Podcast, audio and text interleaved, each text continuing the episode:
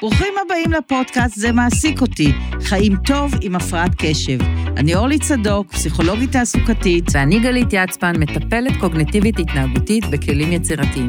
אנחנו מאמינות שהפרעת קשב היא רק חלק ממי שאנחנו ולא המהות שלנו, אבל אם נלמד עליה, נכיר אותה, נצחק קצת ממנה, זה מה שיאפשר לחוזקות שלנו להתגלות. מתוך אמונה זו, שתינו מטפלות, מרצות ופועלות לקידום הנושא בארץ. נשמח לחלוק איתכם את כל הידע שצברנו. אז יאללה, מתחילים גלית? מתחילים. מתחילים. היום אנחנו מורחים את שקד אריאלי. היי שקד, כיף שאת פה. היא מנהלת תחום התעסוקה בנט"ל, שזו עמותה לטיפול בפוסט-טראומה. נדבר היום על הקשר בין פוסט-טראומה לבין הפרעות קשב. אתם שואלים מה הקשר? על זה נדבר היום. אז מתברר שיש קשר. יש קשר בין פוסט-טראומה להפרעת קשב, ולמה אנחנו עושות את זה היום?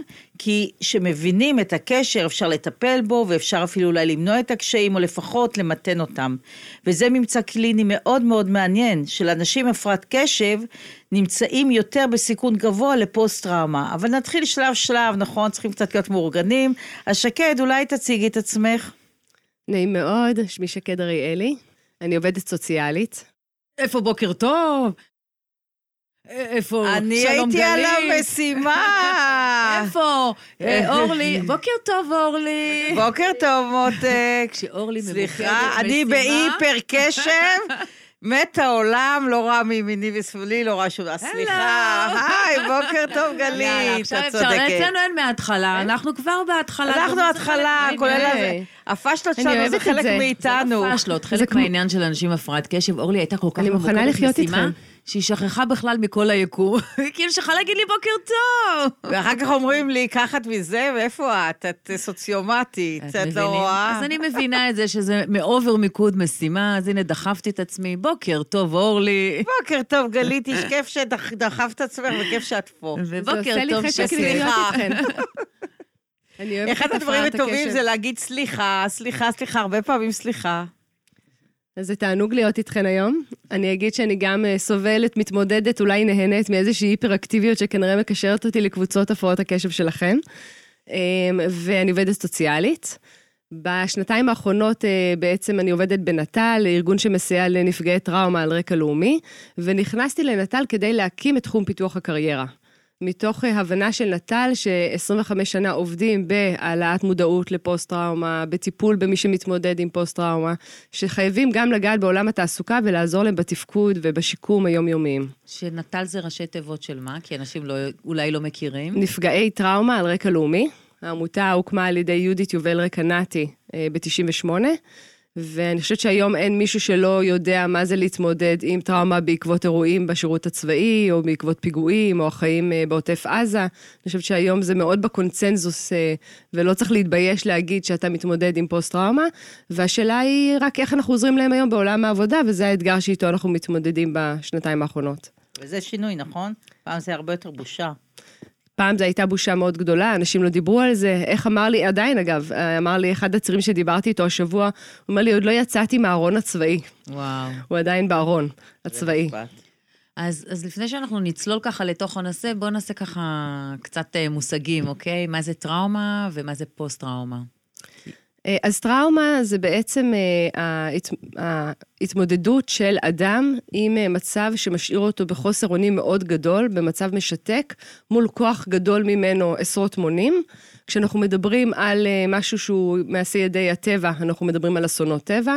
כשאנחנו מדברים על מעשה ידי אדם, אנחנו מדברים על מעשי זוועה.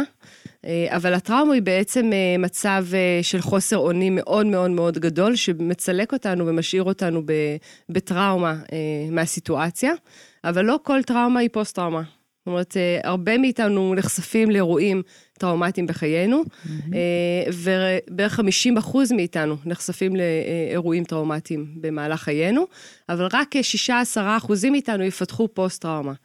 שבעצם אה, פוסט-טראומה היא ממש הפרעה ב-DSM, post-traumatic stress disorder, הפרעת אה, דחק פוסט-טראומטית, ששם אנחנו בעצם רואים שהאירוע הטראומטי לא עזב אותנו. זאת אומרת, אותו אירוע שקרה לפני שנתיים, שלוש, ארבע, עשר שנים, חוזר אלינו, ואם זה בגדול או בקטן, או בצורה מודחקת, או בצורה מאוד גלויה.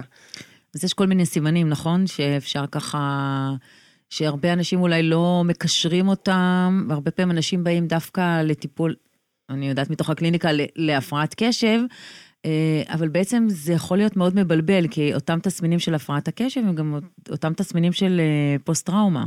נכון? לגמרי, לגמרי נכון, כי בעצם כל הנושא של המיומנויות הניהוליות במוח אה, מאוד מושפעות מהעוררות של האמיגדלה.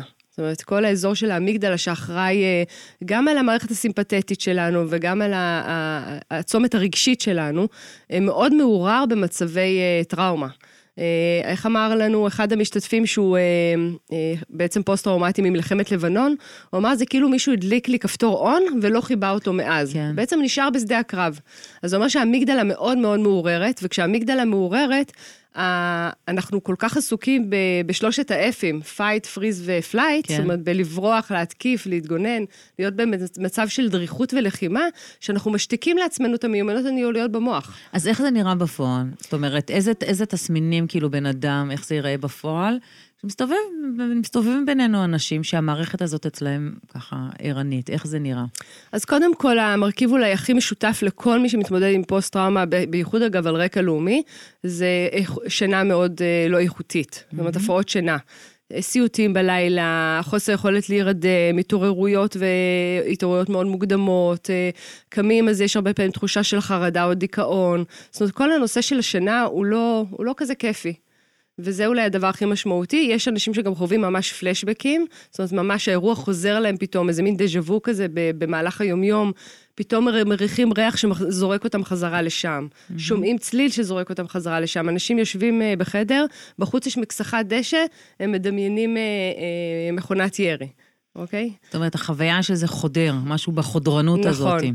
זיקוקים בפורים, המון המון אנשים לא יכולים לשמוע זיקוקים בפורים, זה ממש אה, מחזיר אותם לקרבות, הם נכנסים מת... מתחת למיטה. בסוגריים רגע, יש לי שאלה.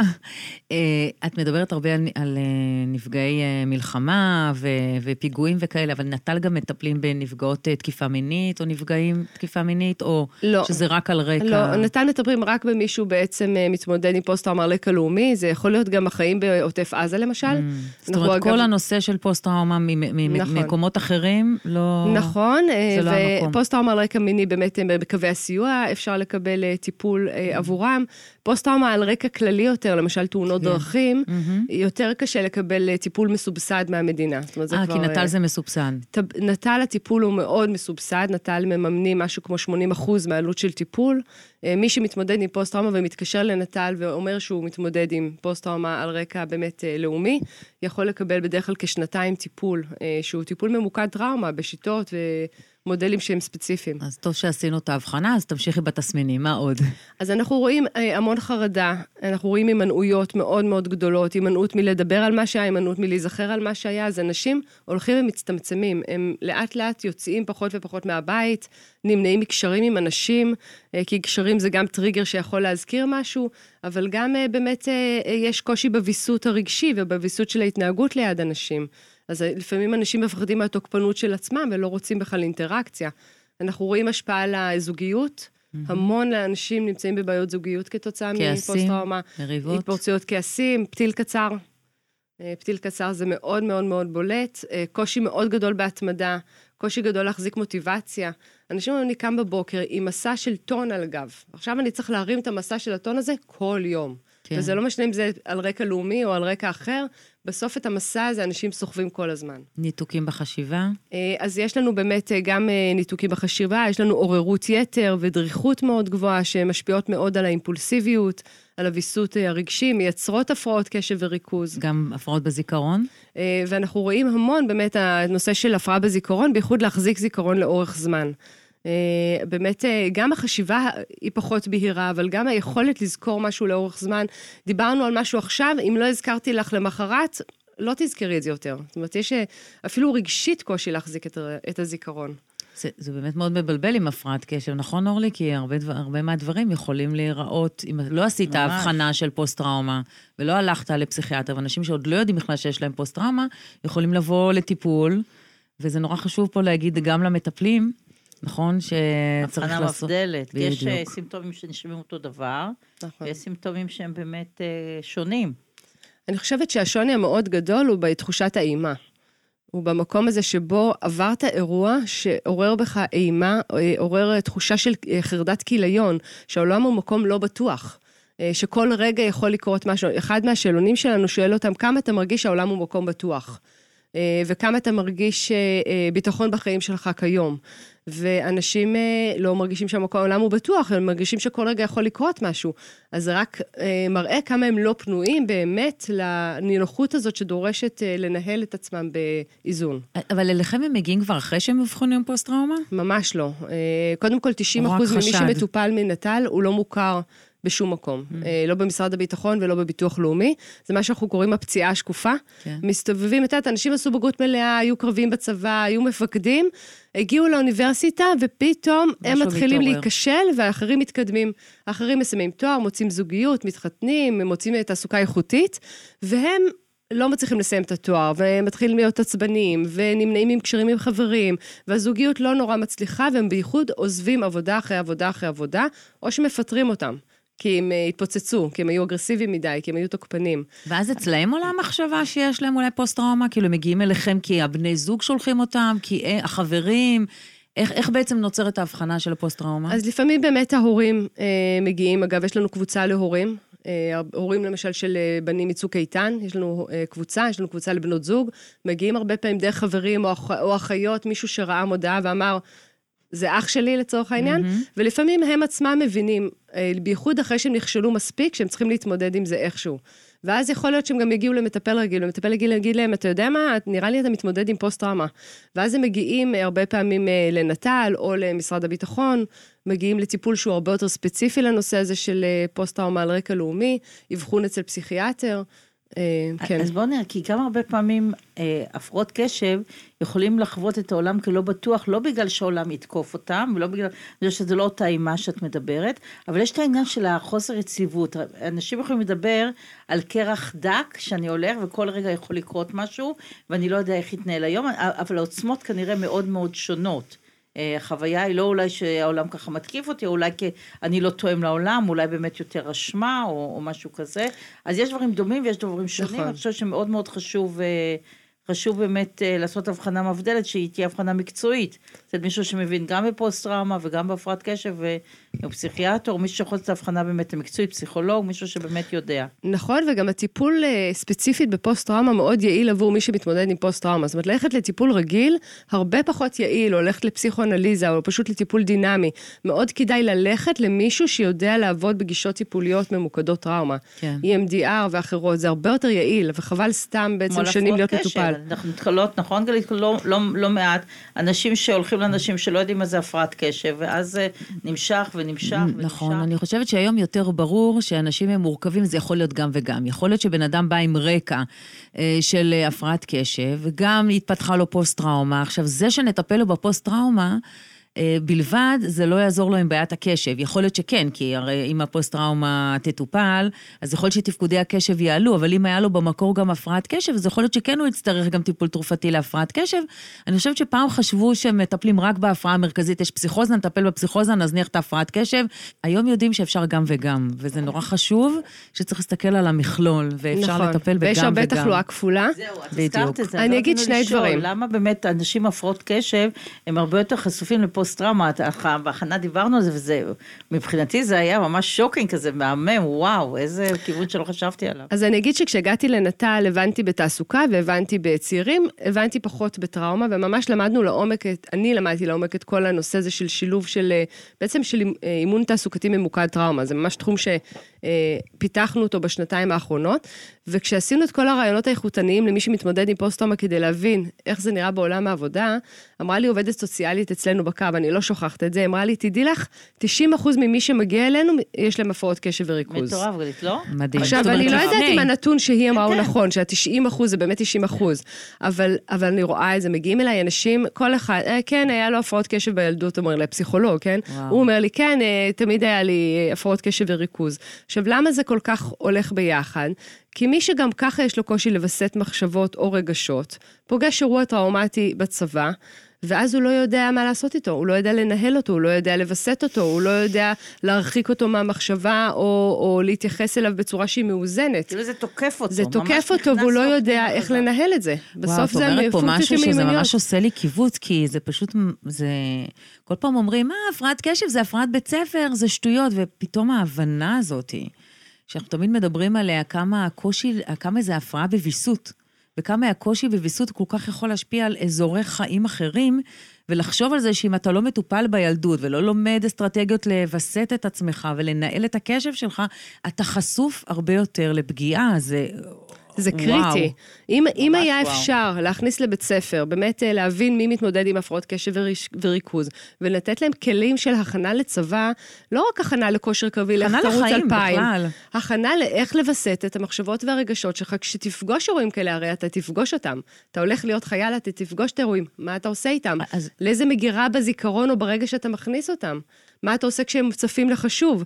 וזה ממש ההבדל בין טראומה לבין פוסט-טראומה. כי טרא... לכולם יש אירועים טראומטיים, אבל ברגע שזה לא נשלט ואני לא יודע איך לנהל את זה, וזה חוזר לי בלי שאני יודע להגיד מתי זה יחזור ואיך זה יחזור, אז מתפתחת ההפרעה בתפקוד של הפוסט-טראומה. תראי, אבל הכלים האלה חשובים לכל אחד, כי אני לא צריכה להיות פוסט-טראומטית מהצבא, אבל מספיק שהייתי עדה לתאונה, הייתי מעורבת בתאונה, או אה, מישהו מת לי, או כל, כל דבר. הרי טראומה יכולה לי, אפילו להיות מתחושה של אה, חוסר אונים, למשל. בזמן האירוע, אם אני יודע מה לעשות בזמן האירוע, כמו שאת אומרת, זה יכול למנוע טראומה. לגמרי, ובאמת כלים כמו אימון, כמו ביו-פידבק, אה, כמו אימון וטיפול להפרעות קשב ובריכוז. זה mindfulness. mindfulness זה כלי אדיר ל, ל, לדעת איך להתנהל כי עם הוא באמת הרגשות משפר והמחשבות. את הוויסות. ומה נכון. שאנחנו אומרים, שבאמת זה, הרי הבעיה העיקרית בהפרעת קשב זה בעיית ויסות.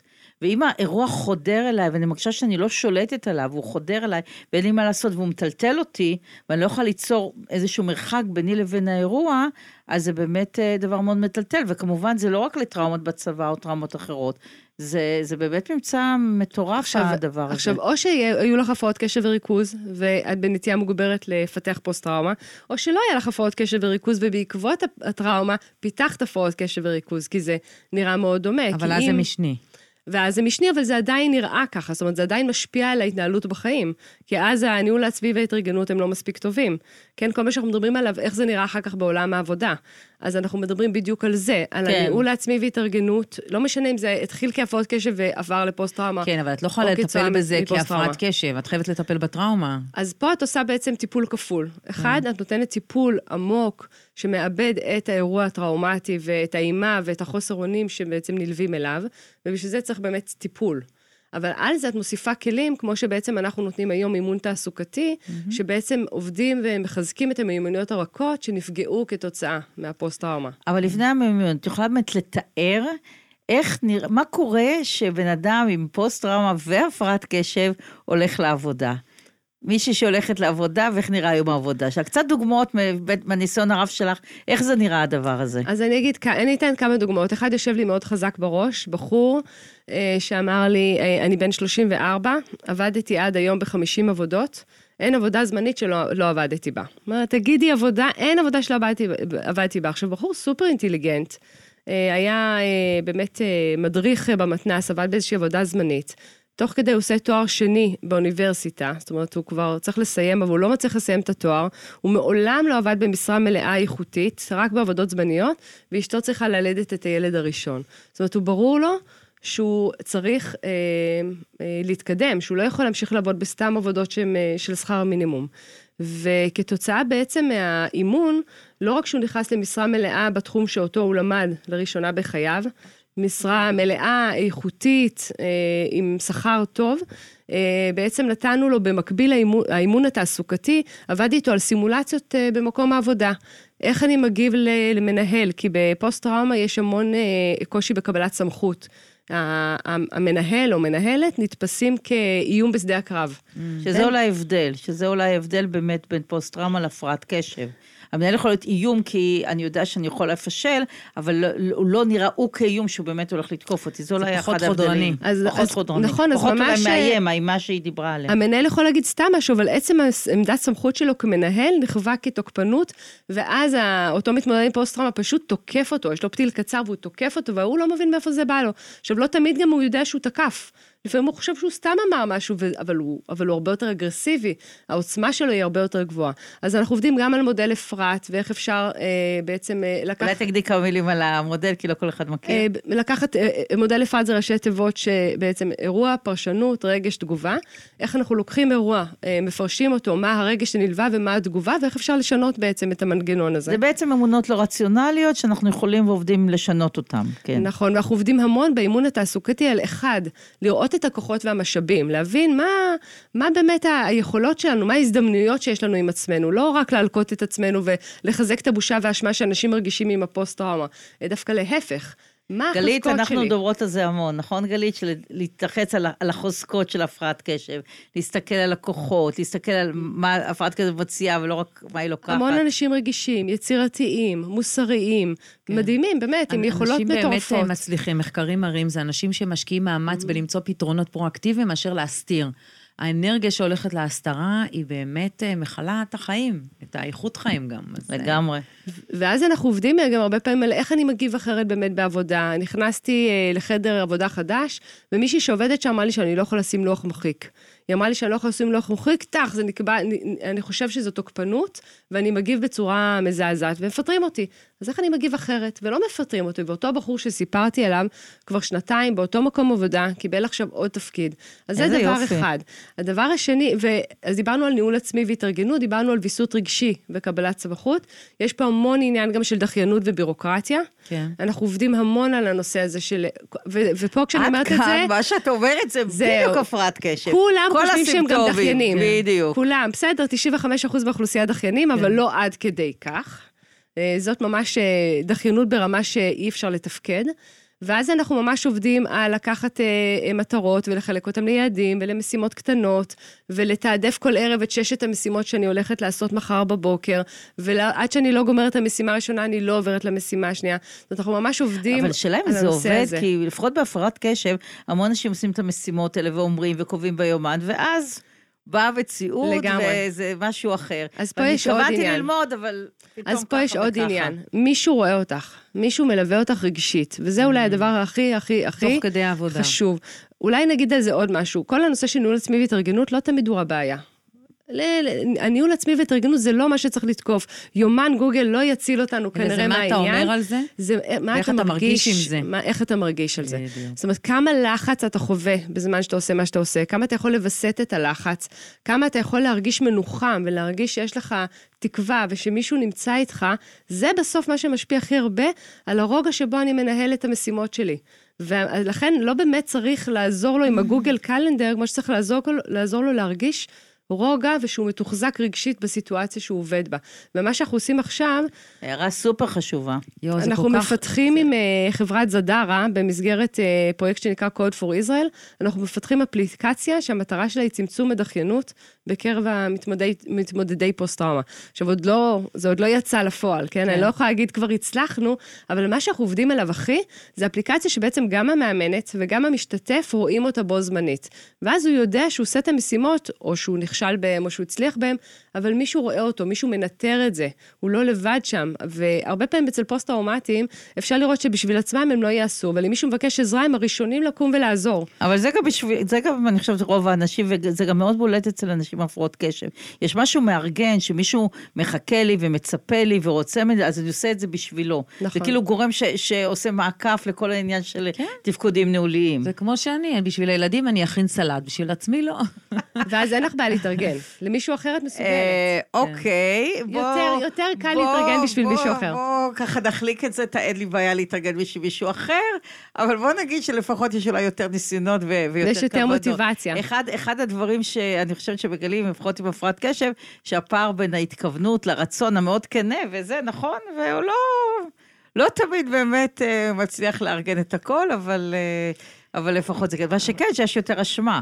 שאם אתה, אם אני מנסה בשביל מישהו אחר, בשביל הילדים, כמו שאת אומרת, או משהו כזה, ואז אנחנו מנסים להתארגן, והם נפגעים מזה, להיות שהם יהיו קטנים ויותר תלויים בנו, אז אני חושבת שהאשמה ככה יותר, יותר מככבת.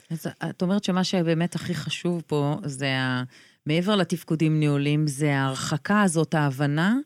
שאיך אני, איך אני, מי אני בתוך הסיטואציה, כאילו איך אני מתנהל בתוך הסיטואציה, איזושהי, ו, וליווי לתוך הדבר הזה. להוריד את האשמה, נכון? אה, להיות אה, עם איזה קשב כזה ל, לרגע שלי בתוך הדבר הזה, מה אני אומר על עצמי, מה אני חושב על, על עצמי, זה, זה המוקד. מה שאת אומרת הוא קריטי. אנחנו, אה, איך אני אגיד את זה? כל פעם מתקשר אליי מישהו שרוצה עזרה ומתייעץ אם אנחנו יכולים לעזור לו. ואני אומרת לו, כן, לפי המודל ליווי תעסוקתי ממוקד טראומה שפיתחנו, יש פחות או יותר חמישה אתגרים שבפוסט-טראומה מתמודדים לפחות עם אחד מהם, אם לא עם כולם. ניהול עצמי והתארגנות, אה, ויסות רגשי, קבלת סמכות, אה, דחיינות ובירוקרטיה, אה, וגם לקבל בעצם את המקום שאני נמצא בו היום לעומת המקום שהייתי בו פעם, כן, השבר הזה בין מי שהייתי לבין כן. מי שאני עכשיו, וכמובן שגם הסימפטומים הפיזיים שמשפיעים על עולם העבודה, החרדה וחוסר שינה בלילה ממש משפיעה פיזית על התפקוד. זה פחות או יותר הדברים העיקריים, ואז כמעט תמיד אני שומעת, כן, יש לי את הכל. Mm. עכשיו, יש פה איזושהי הנחת רווחה.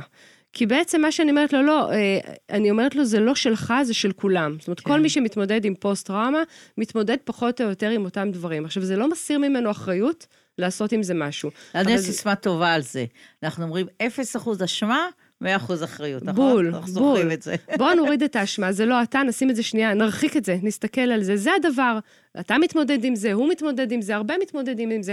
הבנת עם מה אתה מתמודד, עכשיו אתה ואני ואנחנו יכולים לעשות עם זה משהו. כן. ואז אנחנו נכנסים פה גם עם האימון התעסוקתי, שבאמת מזהה כוחות ויכולות, וממפה לאן הוא רוצה להגיע בעתיד ומה הוא עושה בזמן הקרוב, וזה מאוד פרואקטיבי. זה לא לשבת על הספה ולהקשיב, יש לך משימות משבוע לשבוע ואתה צריך לעשות אותן. ועושים, זה מאוד מעניין, כי אני, אני חושבת שהניסיון הקליטי שלנו מראה שזה לא פשוט, כלומר, יש רצון ובאים ומשקיעים ועושים תוכנית. תוכנית, אבל העשייה עצמה בפועל היא לא תמיד פשוטה. אבל אצלכם יש ליווי, זמן. נכון? מה זה אומר כן, ליווי? העולם הוא לא אידיאלי. אנחנו מלווים את האנשים, נכון? אנחנו לא חיים בעולם אידיאלי. אנחנו חיים ב... אנחנו עושים מה שאפשר, נכון? לפעמים אנחנו נעשה הפסקה. לא תמיד אנחנו נעשה את האימון רציף, לפעמים זה פעם בשבועיים, לפעמים זה פעם בחודש, לפעמים נגיד לו בוא תחזור עוד חודשיים, אתה ברגרסיה, בוא תחזור כשתהיה שוב פנוי. חבל לבזבז את המשאב הזה עכשיו כשאתה באמצע תהליך גירושים ואתה לא בעצם פנוי רגשית לצורך העניין.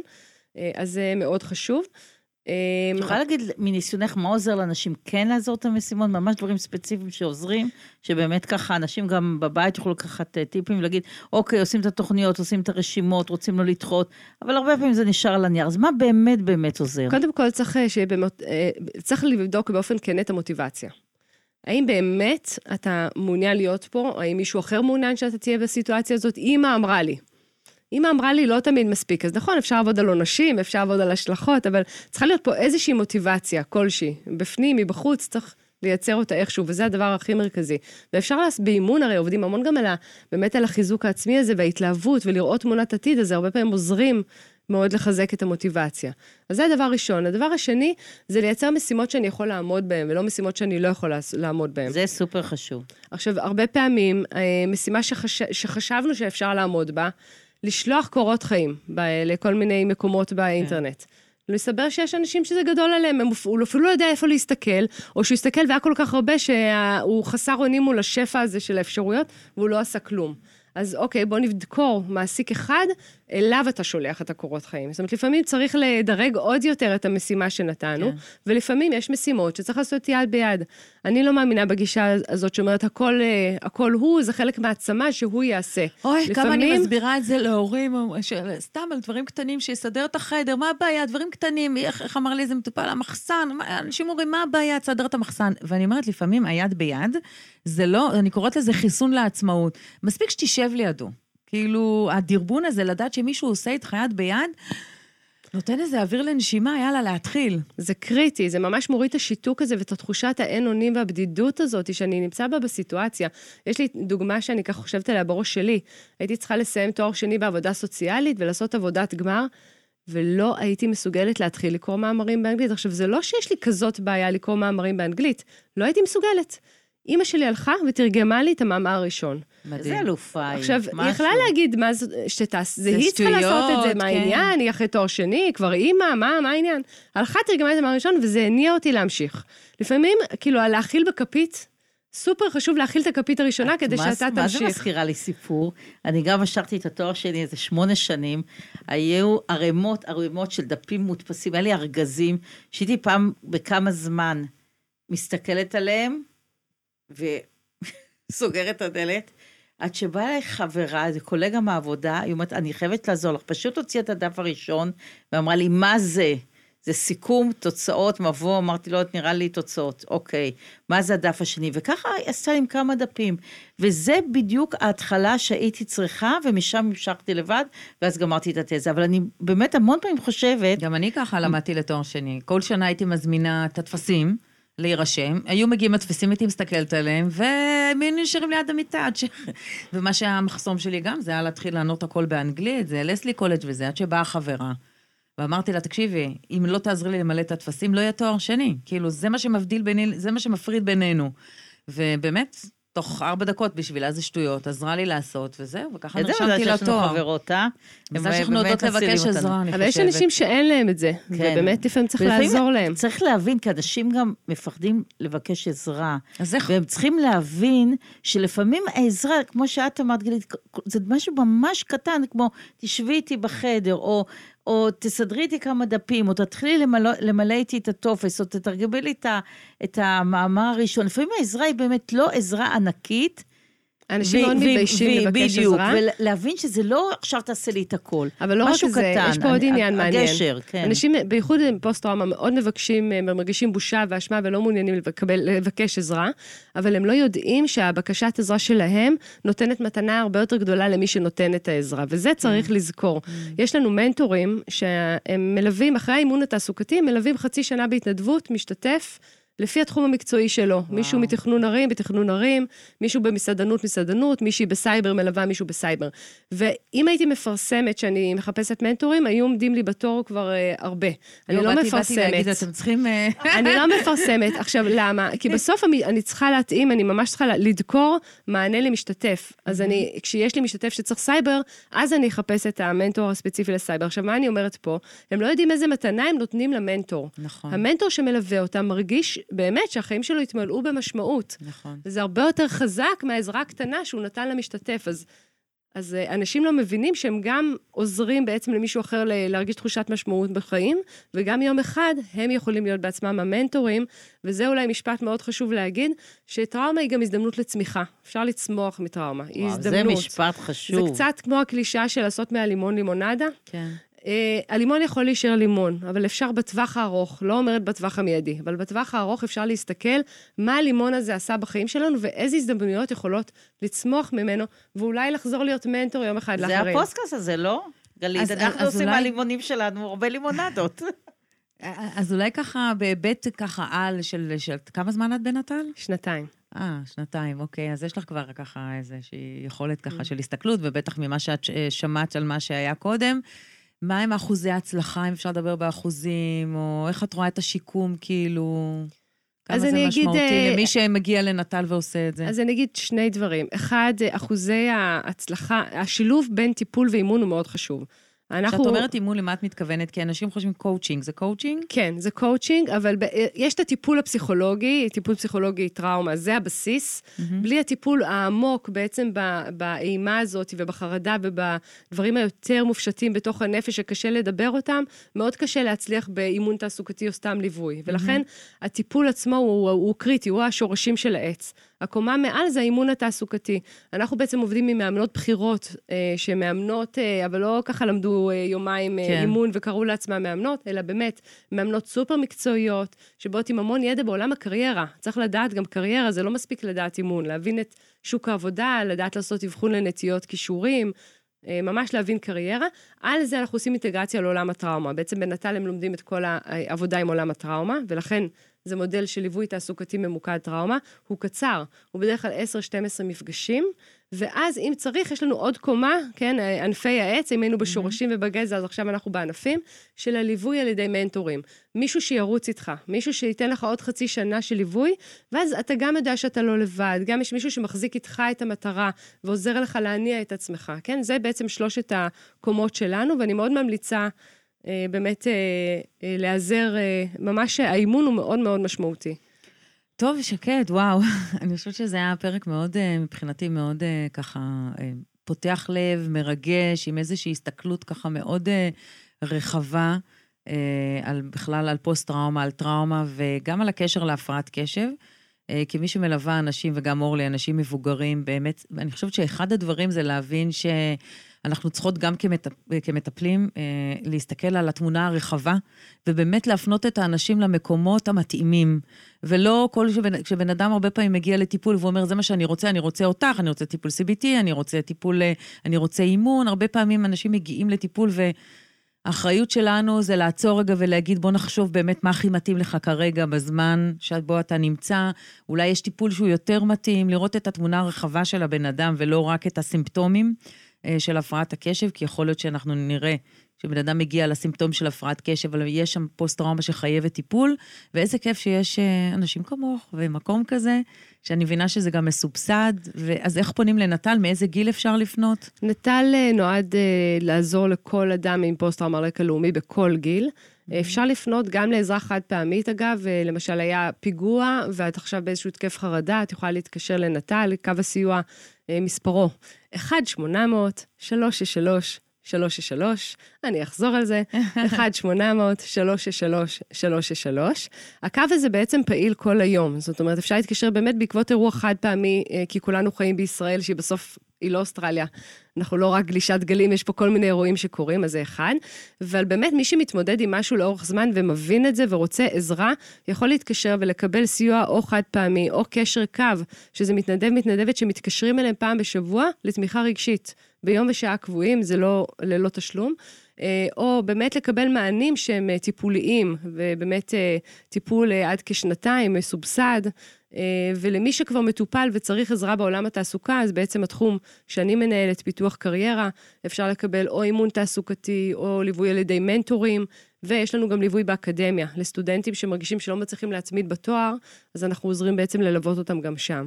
אז uh, באמת יש פה מגוון של מענים, וזה באמת בעולם הפוסט-טראומה על רקע לאומי, ובעולמות של פוסט-טראומה על רקעים אחרים, יש עוד ארגונים ומענים, גם ממשלתיים וגם uh, אחרים.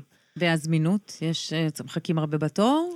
לא, לא אחרים? Uh, תלוי למה. אני חושבת שבפוסט-טראומה על רקע מיני uh, ועל פוסט-טראומה על רקע לאומי יש יותר מענים, מאשר פוסט-טראומות שנקרא להם יותר כלליות. תאונות דרכים למשל, דברים שהם, אין להם סיוע ממוקד בישראל היום, ושם אה, באמת זה יותר פרטי, אבל תמיד אפשר אגב לפנות לקופות החולים ולקבל גם טיפול וגם פסיכיאטר דרך קופת החולים, אבל זה, הרבה פעמים צריך לחכות. טוב, אז uh, תודה רבה. נראה לי ש... ממש תודה, כל כך uh, חשוב שבאת וטוב שבאת. אני חושבת שעשית סדר uh, מעולה בתוך הבלגן הזה, ומעלה את הערנות של כולנו, נראה לי, לא?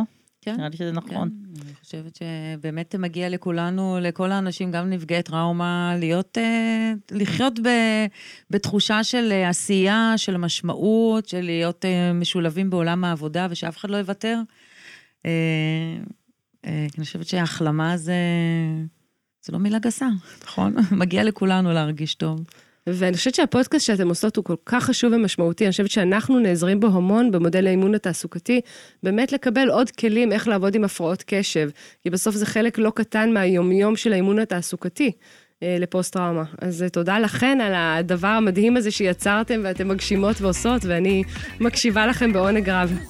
וואו, אה, כבר היה שווה, תודה רבה. תודה רבה, ושנתראה בשמחות, מה שנקרא. להתראות. יאללה, ביי. ביי, להתראות. ברוכים הבאים לפודקאסט. זה טוב. עוד יחשבו שאנחנו נורא עדינות. ברוכים הבאים לפודקאסט. אוקיי. ברוכים הבאים לפודקאסט, זה מעסיק אותי. חושבת שמי שישמע את זה יחשוב שאת מה זה...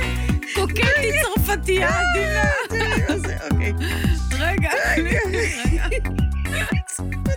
והיום נדבר על הקושי בהתחלות. הרבה אנשים... יאללה, רגיל. היום נדבר על הקושי בהתחלות. הרבה אנשים מאוד מתקשים להתחיל משימות, וזה... הרבה אנשים מאוד מתקשים להתחיל... אז תודה רבה שהייתם איתנו בפודקאסט. ואם אתם רוצים להתעדכן, ואם אתם רוצים להתעדכן בפודקאסט, ואם אתם רוצים להתעדכן בפוד- בפודקאסט,